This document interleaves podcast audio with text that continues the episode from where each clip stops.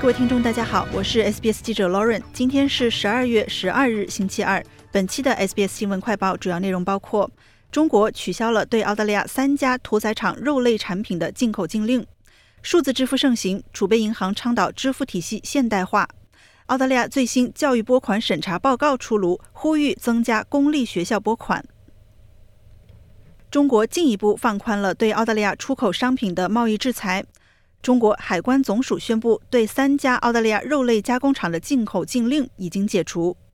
这三家屠宰场的禁令被取消后，仍有数家澳大利亚屠宰场在对华出口贸易的黑名单上。中方对澳大利亚龙虾和牛肉等产品的制裁也依然存在。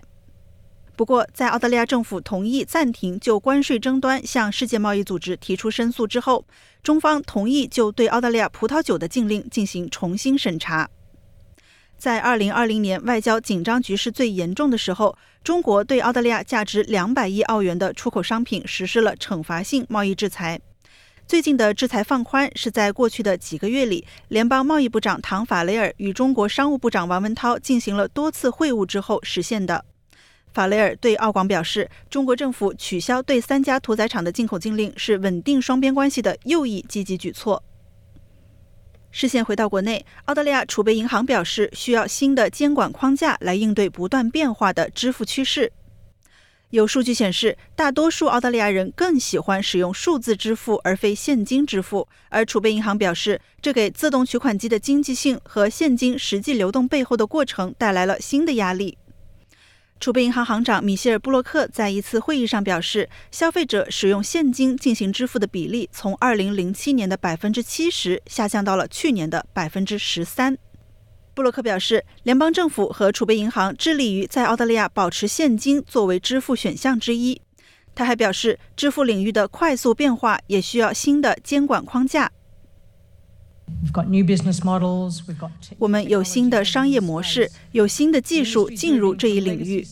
该行业正在从传统系统转向可以为每个人提供更快、更安全、更便利的支付系统的新平台。因此，我们需要更新监管架构和支付基础设施，进行现代化的改造，以支持这些创新。我们一直在与政府合作，更新监管框架。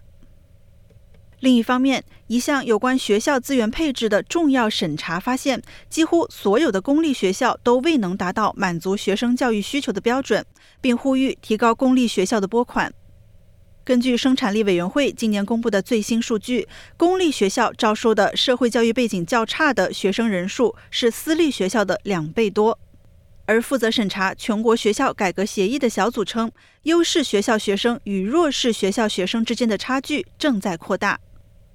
联邦教育部长杰森·克莱尔在本周一与各州及领地的教育厅长会晤之后表示，澳大利亚的学校体系是世界上不平等问题最严重的体系之一。而下一份全国学校改革协议将重点关注如何使学校经费更加公平，誓言要缩小公立和私立学校之间的资金差距。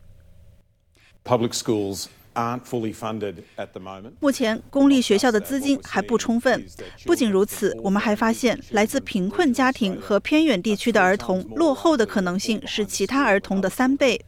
我们需要解决这两个问题。我们需要解决对公立学校的资金支持，同时也需要解决资金缺口。